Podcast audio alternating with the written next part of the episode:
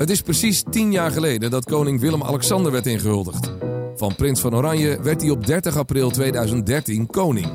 Hoe beleefde hij die periode van toen tot nu? In 10 afleveringen blikken we terug op 10 jaar koningschap vanuit zijn werkkamer in Paleis Huis ten Bosch. Ik ben Edwin Evers en je luistert naar de podcast Door de ogen van de koning.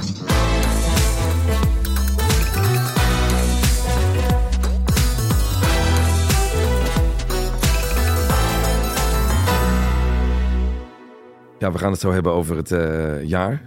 Dit moet u doen tussen al uw werkzaamheden door. Gisteren weer volgens mij uh, 8,5 uur in de auto gezeten of zoiets. U maakt wat iets minder, maar ja. het is. Uh, ja, u moest aan de andere kant van het land. Ja, maar met heel veel plezier moet ik zeggen. Ja? Ja. Dat geeft ook heel veel energie. Het was een uh, klein dorpje, heette Krim, in uh, Noord-Overijssel. En uh, als je dan ziet hoe zo'n zo'n dorp met zo ongelooflijk veel passie en liefde... een dorpsgemeenschap bij elkaar houdt... door nou, in dit geval zes ton op te brengen zelf om een uh, activiteitencentrum te bouwen. Dat ze ook nog zelf, behalve de ruwbouw, allemaal zelf afgebouwd hebben. Waardoor alle verenigings uh, weer een plek hebben om te oefenen, te sporten, bij elkaar te komen. En ja, dat doet echt heel veel goed. Hoe, hoe krijg ik de koning op, op, visite? Hoe werkt dat? Nou, meestal gaat dat, komt het van, via de burgemeester en dan de commissaris van de koning. Komt dat verzoek binnen bij Paleis Noordeinde en dan wordt dat besproken in de secretariekvergadering. Het wordt eerst beoordeeld door de adviseurs. En die uh, kijken dan naar een heleboel verschillende elementen. Niet alleen naar het gebouw zelf, maar ook wat er omheen gebeurd is om zoiets tot stand te brengen. Ja. Of wat het betekent en hoe je het ook in kan passen. Inderdaad, en samenbindend, vertegenwoordigend, aanmoedigend. En uh, dan wordt het voorgesteld uh, tijdens de secretariekvergadering. Niet alles wordt ook aangenomen op dat moment. Er wordt natuurlijk ook een beetje naar geografische spreiding gekeken. Er allerlei facetten die gewoon meespelen. En dan wordt er inderdaad gebeld en dan heel vaak totale verrassing dat er inderdaad uh, positief gereageerd wordt. Ja, want dat verwachten ze niet. Dat verwachten ze echt niet, nee. nee. Ja, dan kunt u dan een beetje werken onderweg in de auto. Ja, heerlijk. Dat, ja? Wat dat betreft, ja, absoluut. Maar wel over de vluchtstrook, toch? Of nee, ook niet. Nee? In principe, nee, nee, nee. Dat, uh, als we over de vluchtstrook rijden uh, met uh, blauw licht, wil ik daar zelf toestemming voor geven. En in het begin heb ik daar ook altijd wat problemen mee gehad met beveiliging en met de chauffeurs die zeiden, dat doen wij toch? Nee, want ik ben degene die negatieve publiciteit krijgt als iemand daar een opmerking over maakt. Iedereen kan natuurlijk filmen, kan bekijken. Dus ik moet ik voor mezelf uit kunnen leggen aan iemand waarom het op dat moment noodzakelijk was dat ik, ik wel met blauw licht uh, over de vluchtstrook ga. Maar Anders sta ik gewoon in de file. Ja, maar om half zeven staan de piepers klaar, dat is geen... Uh, dat... Absoluut geen reden. Nee. We gaan naar 2018 en eens even kijken wat er allemaal gebeurd is in dat jaar. In 2018 waren we in de band van fake news en alle kinderen zijn ineens verslaafd aan Fortnite. Amnesty International vierde zijn 50ste verjaardag en prins Harry trouwde met Meghan Markle. We luisterden dit jaar naar de laatste aflevering van Even staat op en zetten een streep onder gaswinning in Groningen. KLM-piloten dragen niet langer een pet. En grote droogte zorgt voor problemen in Nederland. In Thailand wordt na een dagenlange reddingsactie een voetbalteam van 12 jonge jongens en een coach gered uit een grot. Koning Willem-Alexander bezocht het Verenigd Koninkrijk voor een staatsbezoek en juichte de Nederlandse wintersporters naar een waanzinnige 20 medailles. Nou, het lijkt me wel duidelijk waar we het komende uur over gaan praten, majesteit. Wil je beginnen over vijf of drie of over acht? Nou, dat mag u zeggen. het is ook een beetje uw podcast, hè? nee, ja, het is ook weer een jaar met heel veel verschillende elementen erin. Uh, Amnesty International, ook een uh, hele belangrijke organisatie, 50 jaar. Een hele mooie viering gehad in Amsterdam. Een van de gasten daar was uh, Kaepernick, de Amerikaanse voetbalspeler. Die voor het eerst tijdens het Amerikaanse volkslied door de knieën ging en op, met zijn knieën op het veld ging zitten. Als protest. En die daar een hele grote prijs voor betaald heeft. doordat hij uit het team gezet is en geschorst is. Ja, en hij heeft zijn sport dus ook gebruikt om misstanden in de maatschappij aan het licht te brengen. En het was toch wel bijzonder om tijdens zo'n uh, 50-jarige herdenking, of de 50-jarige viering eigenlijk van ja. Amnesty International, om zo'n grootheid te kunnen ontmoeten. De KLM-piloten dragen geen pet meer. Dat was wel een dingetje, ja. U heeft die pet ook natuurlijk. Ik had die pet. Ja. En ik heb daar ook uh, en waar met is die toenmalige pet? CEO Leo van Dijk een hele discussie over gehad. Oh? Uh, want uh, ja, het uniform en de pet is, straalt natuurlijk ook een zeker gezag uit. Wat belangrijk is ook in, het, in, het, in een vliegtuig. Ja. Want uiteindelijk zijn de piloten verantwoordelijk voor de veiligheid van, uh, van de passagiers en het vliegtuig en de, en de bemanning. En dus ook als er een probleem is, moet je iemand aan kunnen spreken. Van, eh, luister eens, met een zekere vorm van gezag... van dit gaat er gebeuren en dat niet. Ja. Op grond van veiligheid van de vlucht. Leo van Wijk vond het, nee, je moet juist benaderbaar zijn... en als je een pet op hebt, ben je niet benaderbaar. Maar voor mij speelde natuurlijk, of minder benaderbaar... dan is er meer een soort van afstand wordt daardoor gecreëerd. Ja. En er waren allerlei, eh, eh, allerlei focusgroepen binnen de passagiers en weet ik wat allemaal. Die hadden allemaal gezegd: als je de pet nou afschaft, dan eh, wordt de bemanning wat meer benaderbaar. Voor mij was natuurlijk een, de pet een hele mooie manier om een beetje ongezien door Schiphol heen te schuiven. Ja. Op weg naar de gate. Want je loopt, ja, als, als piloot loop je toch als laatste eh, bij de, kom je bij de gate aan. Alle passagiers zitten daar te wachten tot Ja. ze mogen boorden. En eh, dan loop je dwars door al je passagiers heen. En voor mij was het natuurlijk een beetje om onder zo'n pet te schuilen. Een hele makkelijke manier om ongezien naar eh, de grondstewardess te gaan... om daar de laatste informatie te krijgen of met betrekking tot passagiers en de vlucht. Toen dacht ik, ja, ik kan ook wel de enige zijn met een pet die rondloopt... maar dan weten ze ook wie het is. ja, dat valt ook op. Dat valt ook weer op, En hoe doet u dat nu dan? zonder pet. Zonder pet. Ja, En dan moeten mensen maar gewoon weten dat en dat is ook geen enkel probleem. Nee? Nee. Mensen voelen zich wel veilig. Ja, absoluut. En er worden ook gewoon foto's van gemaakt. Eh, mensen maken daar met, ja, met, een, gewoon met een mobieltje foto's van. Ja? En dat, ja, geen enkel probleem. Nee? Nee. En, en, vliegt u veel? Ik vlieg eh, nou, twee, drie keer per maand zoiets. Want dat moet om het... eh, Om het gewoon, ja, je moet gewoon het bij blijven houden. Het is gewoon heel belangrijk ook. ja, voor mij is het een hobby. Het is niet belangrijk dat ik vlieg. Maar ik vind het vliegen wel heel belangrijk voor mij als persoon. want? Eh, om gewoon op een hele andere manier. eh, ja, je hebt de verantwoordelijkheid over een vliegtuig tot 180 passagiers. En je kan dus niet je problemen van thuis meenemen. Je moet er volledig concentreren op het vliegen. Dus je kan even alles afsluiten en ergens anders serieus mee bezig zijn. En het is ook gewoon leuk om met een bemanning op stap te zijn. Ja. Ja, het is ook altijd geestig, gezellig, samen op pad te zijn. Samen ook zo'n vlucht tot een goed einde te brengen. Hoe wordt u dan... Want het is in die, wat er uit die cockpit komt, is altijd een beetje hetzelfde. Hè? Het is altijd... Beste passagiers, borgers uit de cockpit. Gezellig voor de bruid. Welkom aan boord. Namens de bemanning. Enzovoort. Ja, Er wordt natuurlijk niet omgeroepen van... eh nee, maar ze zijn de majesteit de koning zit eh, achter, achter de knuppel. Nee, maar dat is ook niet nodig. En dan zeg ik... eh, namens Captain eh, XIZ en zijn bemanning... heet ik u hartelijk welkom aan boord. Dus ik doe het altijd namens mijn collega in de cockpit. Maar, want u doet het wel eens. Dat, eh, Ja, natuurlijk. Ja. Ik merk een bepaalde passie als u over vliegen gaat praten. Ja, het is, het is ook, het is ook U heel vindt dat serieus. echt leuk, hè? Ik vind het ook echt leuk, maar Ja. het is ook een, het is een serieus vak. Dus je kan niet eventjes voor de lol ernaast doen. Het is, wel, het is echt gewoon heel serieus eh, Ja. verkeersvlieger zijn. Ja, ik heb een keer met u gevlogen. Dat heb ik gehoord, ja. Nee, Hoe was dat die heb ik niet ervaring? gehoord. Ik, nee, ik zat in, tijdens de vlucht en toen werd ik erop geattendeerd door, de, door een stewardess. Toen kneep ik hem nog wel even, want we waren nog niet geland. Maar dat ging allemaal fantastisch. Was op een vlucht naar Londen. ja. Ja, Maar dat was nog in de tijd eh, met de Cityhopper. met ik. Cityhopper, Ja. ja. ja. Ja, ik moest eh, voor Madame Tussauds daar naartoe. U staat er nog, ik ben al omgesmolten inmiddels, maar eh, dat, dat was de reden. Leuk. Ja, dan toch even het radioprogramma. U bent een paar keer te gast geweest Ja. bij mij. Wel eens geluisterd ook? Vaak. Ik heb nu de gelegenheid, hè? dat snapt u wel. Ja, nee, ik, heb moet, nu, ik moet even toegeven, ik mag moet even toegeven dat... ehm, en het, het leuke is als je ook in de file staat... en je ziet ook precies wie anders ook luisterde naar 538. Ja, Je zag het gewoon aan het lachen van gezichten. Ik begrijp dat het op een gegeven moment eh, mooi geweest is... maar het is, eh, het is toch een heel mooi medium ook, de radio, wat dat betreft. Ja. En ehm, ja, het feit dat we gewoon ook hier samen zitten... en eigenlijk een soort, een 21e eeuw soort radioprogramma maken... ja. Toont aan het, het belang eigenlijk ook van het gesproken medium. En ik mag hier zitten, ondanks het feit dat ik uw grootvader nog wel eens een keer nagedaan heb. Dan misschien wel dankzij het feit Oh. dat, we, dat we elkaar kennen uit de tijden van, eh, van de interviews bij de Olympische Spelen. Ja, want ik denk dat over die grootvader, daar praat ik maar even overheen. Nee, nee, nee. Kijk, Wat eh, vonden jullie daarvan?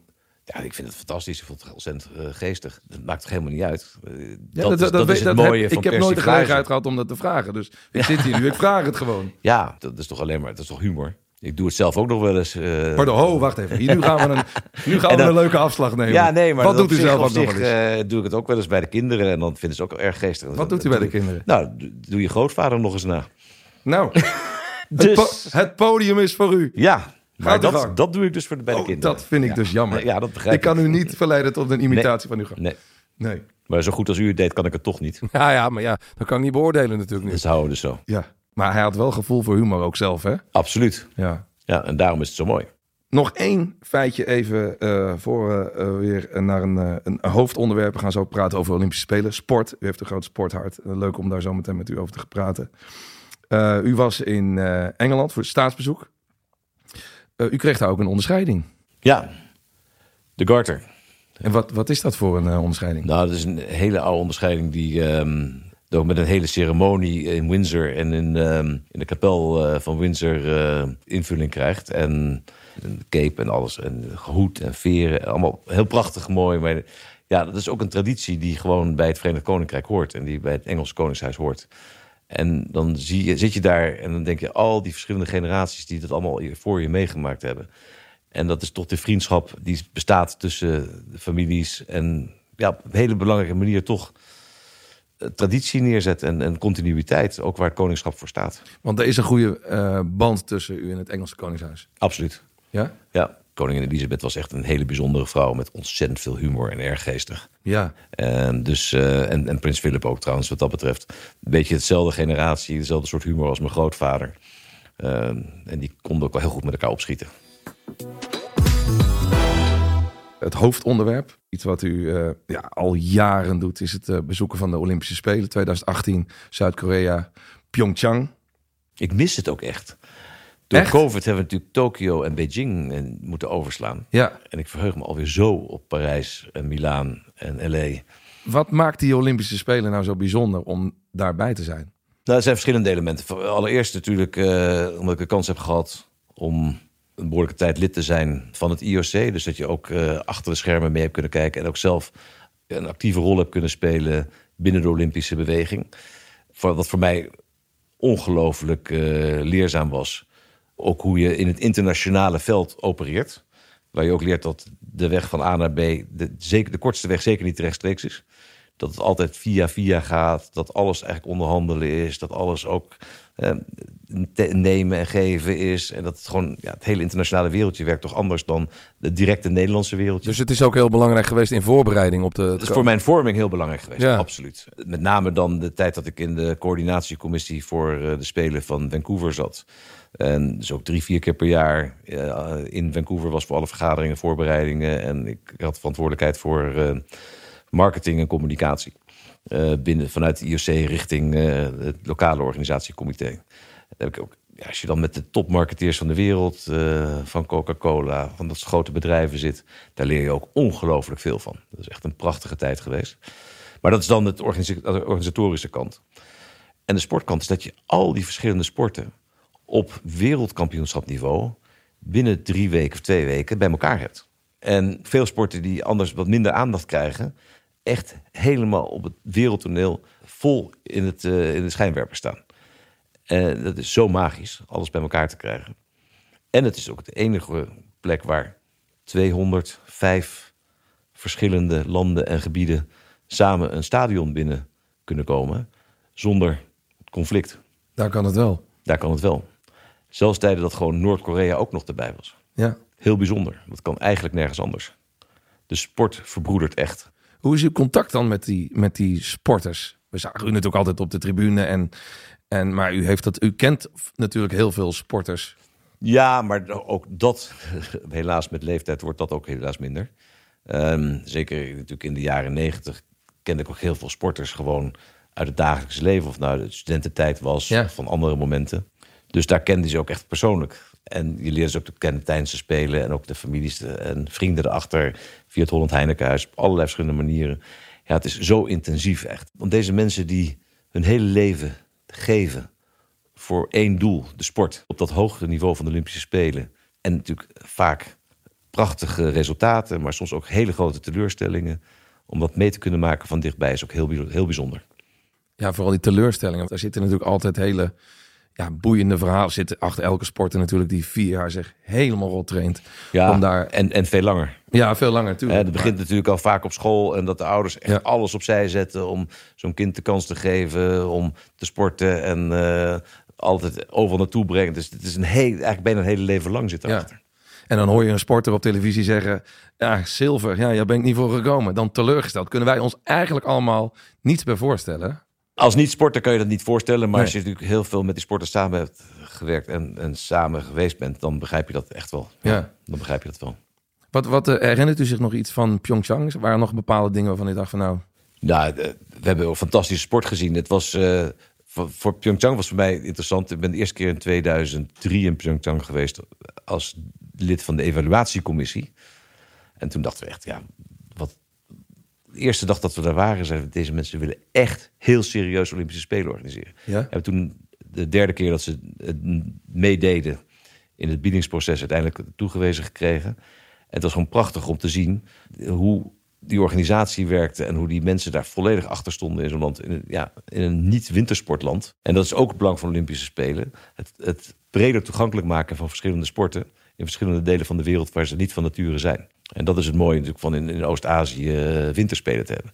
Maar vanuit de Nederlandse sporters, ja, het was natuurlijk prachtig schaatsen. eh short track was natuurlijk heel goed. Maar ook eh, teleurstellingen met snowboard en andere dingen. Dus ja, het, het is weer typisch Olympische Spelen met hele mooie successen, verrassingen, teleurstellingen. Ja, we kijken door de ogen van de koning, maar we kijken ook, eh, ook door de ogen van buitenaf een beetje, door de ogen van anderen. Wat zij zagen is onderdeel van het eh, verhaal van het afgelopen decennium. Deze week komt de blik van buiten van een heel bijzonder persoon. Hij werd eh, in 2018 voor de derde keer Olympisch kampioen op de 5 kilometer. Dat kan natuurlijk maar over één iemand gaan. Sven Kramer heeft een vraag voor u. Majesteit, goeiedag met Sven Kramer. Ik wil u heel hartelijk bedanken voor al uw inzet voor de Nederlandse topsport de afgelopen jaren. En natuurlijk hebben we veel mooie momenten samen mogen vieren. En niet onbelangrijk, uw aanwezigheid bij het afscheid van Irene Wust en van mij, wat ik heel erg gewaardeerd heb. Tevens heb ik een vraag en een uitdaging voor u. Zou u met mij, als de Elfstedentocht binnen nu en tien jaar komt, samen de tocht willen gaan schaatsen? Ben benieuwd. Nou, meneer Van Buren. Ja, ehm, ehm, daar ben ik even stil van. Want ik zou het wel fantastisch vinden om in ieder geval ehm, met Sven samen te gaan eh, rijden. Om te kijken of we dan beiden nog in staat zijn om een Elfstedentocht te rijden. Dus eh, een voorbereiding zullen we in ieder geval wel ingaan. Of we hem dan echt rijden, moeten we nog even kijken. Is eh, hij lid? Oeh, Want, dat zal eh, toch wel? Anders kan hij niet eens meerijden. Dat is jammer, maar... eh, Mag u niet iemand uitnodigen? Nee, helaas niet. Oh, dat werkt niet zo. Nee, helaas niet. Oh. Maar ehm, ik wil in ieder geval wel kijken of we dan tegen die tijd eh, kunnen gaan voorbereiden richting een Elfstedentocht. En dat kunnen we ook al een keer op eh kunstijs doen. eh, dus we hoeven niet eens te wachten op natuurreis. Maar het zou fantastisch zijn als we überhaupt nog een Elfstedentocht krijgen. Want dat is toch een heel mooi evenement. Wat echt zo Nederlands is. En zo prachtig is. En waar Friesland zo mooi eh, zich kan presenteren. Dat is echt, ja, ik krijg alweer eh, een kippenvel van het idee dat we weer een Elfstedentocht hebben. Deze is al heel lang geleden. Hè? Die, eh, hoe, hoe, hoe lang gaan we terug? Tot die Elfstedentocht? Die ik geschaatst op 86. 86. Ja, en in eh, 97 waren we met mijn grootouders op reis. Die waren vierden die week hun eh, diamanten huwelijksjubileum. Ja, dus eh, ook bijzonder. Eh, dus toen kon ik helaas niet meedoen. Maar misschien een volgende keer. Ja, want die sporters die zijn voor u eh, belangrijk. En met name natuurlijk, eh, nou, we hebben het daar ook al een beetje eerder over gehad. Er zitten natuurlijk altijd mooie verhalen in, zowel verliezen als winnen. Maar het feliciteren van sporters is natuurlijk, dat, dat vindt u leuk hè? Ja, wie vindt dat niet leuk? Maar ik bedoel, Ja, en het is ook eh, een heel mooi moment om wereldkampioenen of Olympisch kampioenen te mogen feliciteren. In alle sporten, ook in, in, in gehandicapte sporten. Dus wat dat betreft hoor je heel veel mooie verhalen, ook als je er zelf niet bij bent. Eigenlijk permanent gaat het hele jaar door. Zijn er fantastische sportfeiten door Nederlanders die niet altijd in de media komen, maar wel prachtig zijn. en hoe gaan die felicitaties? Gaat dat, is dat dan, eh, gaat dat per brief of per mail of belt u ze of appt u ze? Ja, vroeger ging dat per telegram. Zo heb ik dat ook eh, van mijn voorgangster overgenomen. Maar inmiddels, eh, Telegram. ja, het, eh, ze worden gebeld. En ik stuur dan een brief later nog naar het huisadres. Dat dat niet meteen, maar in ieder geval nog wel een mooie tekst. Die dan op papier eh, ligt. Maar naar het huisadres dat die niet meteen aanwezig is. En met een beetje geluk, eh, dan mogen ze ook bij de, bij de uitblinkerslunch komen, toch? Ja, wij, wij proberen mensen die iets heel bijzonders gedaan hebben. Op allerlei verschillende vlakken, maar ook sport. Twee keer per jaar in het zonnetje te zetten met een lunch op Noordeinde. En een heel divers gezelschap. Altijd hele leuke discussies ook aan tafel wat het betekent om de beste te zijn. Het zij in een sport of in een, eh, door je eigen vakgebied uitgeroepen te zijn als, eh, ja, als de beste in jouw vakgebied. Hele diverse mensen en een, een prachtige lunch is altijd. Ja, en als het om sport gaat, gaat het om meer dan alleen de professionele sport natuurlijk. Breedte sport is net zo belangrijk als topsport. Ja. Eh, dus sowieso natuurlijk het uh, geikte verhaal. Je moet je energie positief kwijt kunnen. Het is, eh, bewegen is belangrijk. Is ook voor de gezondheid van, van de Nederlander belangrijk. Uiteindelijk als je goed sport, goede houding aan hebt, beweegt... heb je later in het leven minder last van eh, slijtage, van andere problemen. Eh, dus eh, uiteindelijk voor de gezondheidszorg is het ook erg belangrijk om... eh, preventieve gezondheidszorg, sport is eigenlijk ook preventieve gezondheidszorg. Het is gezellig, het is clubleven, het is eh, ontzettende inzet van eh, vrijwilligers overal. Dus op allerlei fronten is gewoon sport erg belangrijk. Zijn vandaar, vanuit die gedachte ook de koningsspelen ontstaan? Ja, het verbindende. Ja. En de koningsspelen hebben natuurlijk een ander heel belangrijk element... is het gezonde ontbijt wat daarvoor ontstaat. Ja. het was een, een idee van het Nationaal Comité destijds... wat in het leven geroepen is voor de inhuldiging. En daarna heel dankbaar eh, voor de Cruyff eh, Foundation en de Krajcek Foundation... die dan uiteindelijk het overgenomen hebben. Eh, en zijn door blijven organiseren. Ja, wat doet de koning eigenlijk eh, precies? Wat zijn zijn taken? Hoe ziet zijn werkdag eruit? Dat vragen wij ons af. Eh, maar dat vraagt eh, Muk zich ook af. Daarom heeft Muk een vraag aan u met betrekking tot eh, sportevenementen. Hallo, hallo, doet hij het? Ja, Hey koning. hey, Fijn koning. dat ik naar alle sportevenementen mag als ik koning ben. Maar kan ik dan wel een beetje rustig naar de wedstrijden kijken? Of moet ik alleen maar handen schudden? En op de foto. Een hele goede vraag, Muk. Maar het leuke, het leuke van sport is dat op het moment dat er gesport wordt, is het niet relevant wie er op de tribune zit. Iedereen in het stadion, iedereen die erbij is, kijkt alleen maar naar de sporters. Dus als je ziet van handen schudden en foto's, dat is eigenlijk niet tijdens het sporten zelf. Nee. Het mooie van het sporten is dat alle concentratie op diegenen zijn die er aan het sporten zijn. Ook van mij uit. Maar het hoort er wel ook weer, daarna wel weer een Dat beetje hoort bij. er daarna bij. Maar het sporten zelf gebeurt echt in de arena en niet op de tribunes. U gaat nu eh, als koning naar de Olympische Spelen. Dat is natuurlijk toch anders dan in het verleden als IOC-lid. En natuurlijk nog steeds als supporter. Ben- bent u dan een gezant van de regering? Werkt dat zo? Nee, ik ben eh, natuurlijk erelid van het IOC. Ja. Ehm, en ik, ik zie mezelf... Natuurlijk vertegenwoordig ik altijd Nederland. Ja. Maar ik word niet uitgezonden door. Nee, dat, dat was eigenlijk Nee. mijn vraag. Moet, beslist de regering waar u naartoe gaat? Nee, Dat bepaalt u zelf. dat bepaal ik zelf. Eh, het kan wel dus zijn dat om bepaalde redenen... eh, de minister-president of het kabinet zegt... het lijkt me goed dat u niet gaat. En dan wordt de ministeriële verantwoordelijkheid gaat, komt dan in het geding. Maar het wel gaan is echt een beslissing van mijzelf. Ik word niet uitgezonden door Nee, nee. het kabinet... om daar de regering te vertegenwoordigen. Nou, maar als nou tegen u gezegd wordt, het lijkt ons beter dat u niet gaat, kunt u dan alsnog beslissen om wel te gaan? Dat is een ander van nee, want dan heb je de ministeriële verantwoordelijkheid. Dus dan, maar eh, het is niet zo dat ze zeggen, u gaat. Wij hebben bepaald in het kabinet dat u gaat namens de Nederlandse regering. Nee, Dat gebeurt niet. dat gebeurt niet. Maar andersom kan het dus zijn, we hebben bepaald dat het misschien handiger is op dit moment... vanuit de positie van Nederland, van de positie van de koning... de staatsrechtelijke positie, de ministeriële verantwoordelijkheid... dat u niet gaat. Ja. Dat kan wel gebeuren. Maar het is niet zo dat er eh, gekeken wordt... wie sturen wij nu namens Nederland daar ergens naartoe. Ja, en het hele verhaal met voetbal in Qatar, dat is dus zoals u het net... Precies zoals ik nu uitleg. Ja, Ja. Eh, we hebben het net even gehad eh, over, eh, het kwam in het verhaal met Amnesty, kwam het naar voren, dat, dat u zei, die, die sporter die een gebaar maakte en daarmee eigenlijk ook zijn carrière nog op het spel zet. Er was in Qatar natuurlijk ook heel veel te doen rondom, ja, moeten de spelers nou een gebaar maken? Moeten ze, moeten ze iets doen? Vindt u eigenlijk dat we sporters daarmee moeten belasten? Of, of zegt u dat? daar moet je de sporters niet mee belasten. Kijk, als een sporter het uit zichzelf doet, dan moet het kunnen. Sporters moeten sporten. Die hebben een hele leven, zetten ze alles opzij om op topniveau te kunnen presteren. Ja.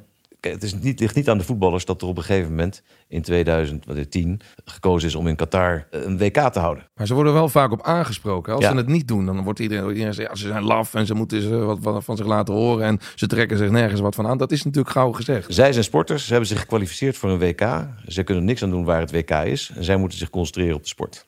En sport en politiek moet je op dat niveau uit elkaar houden.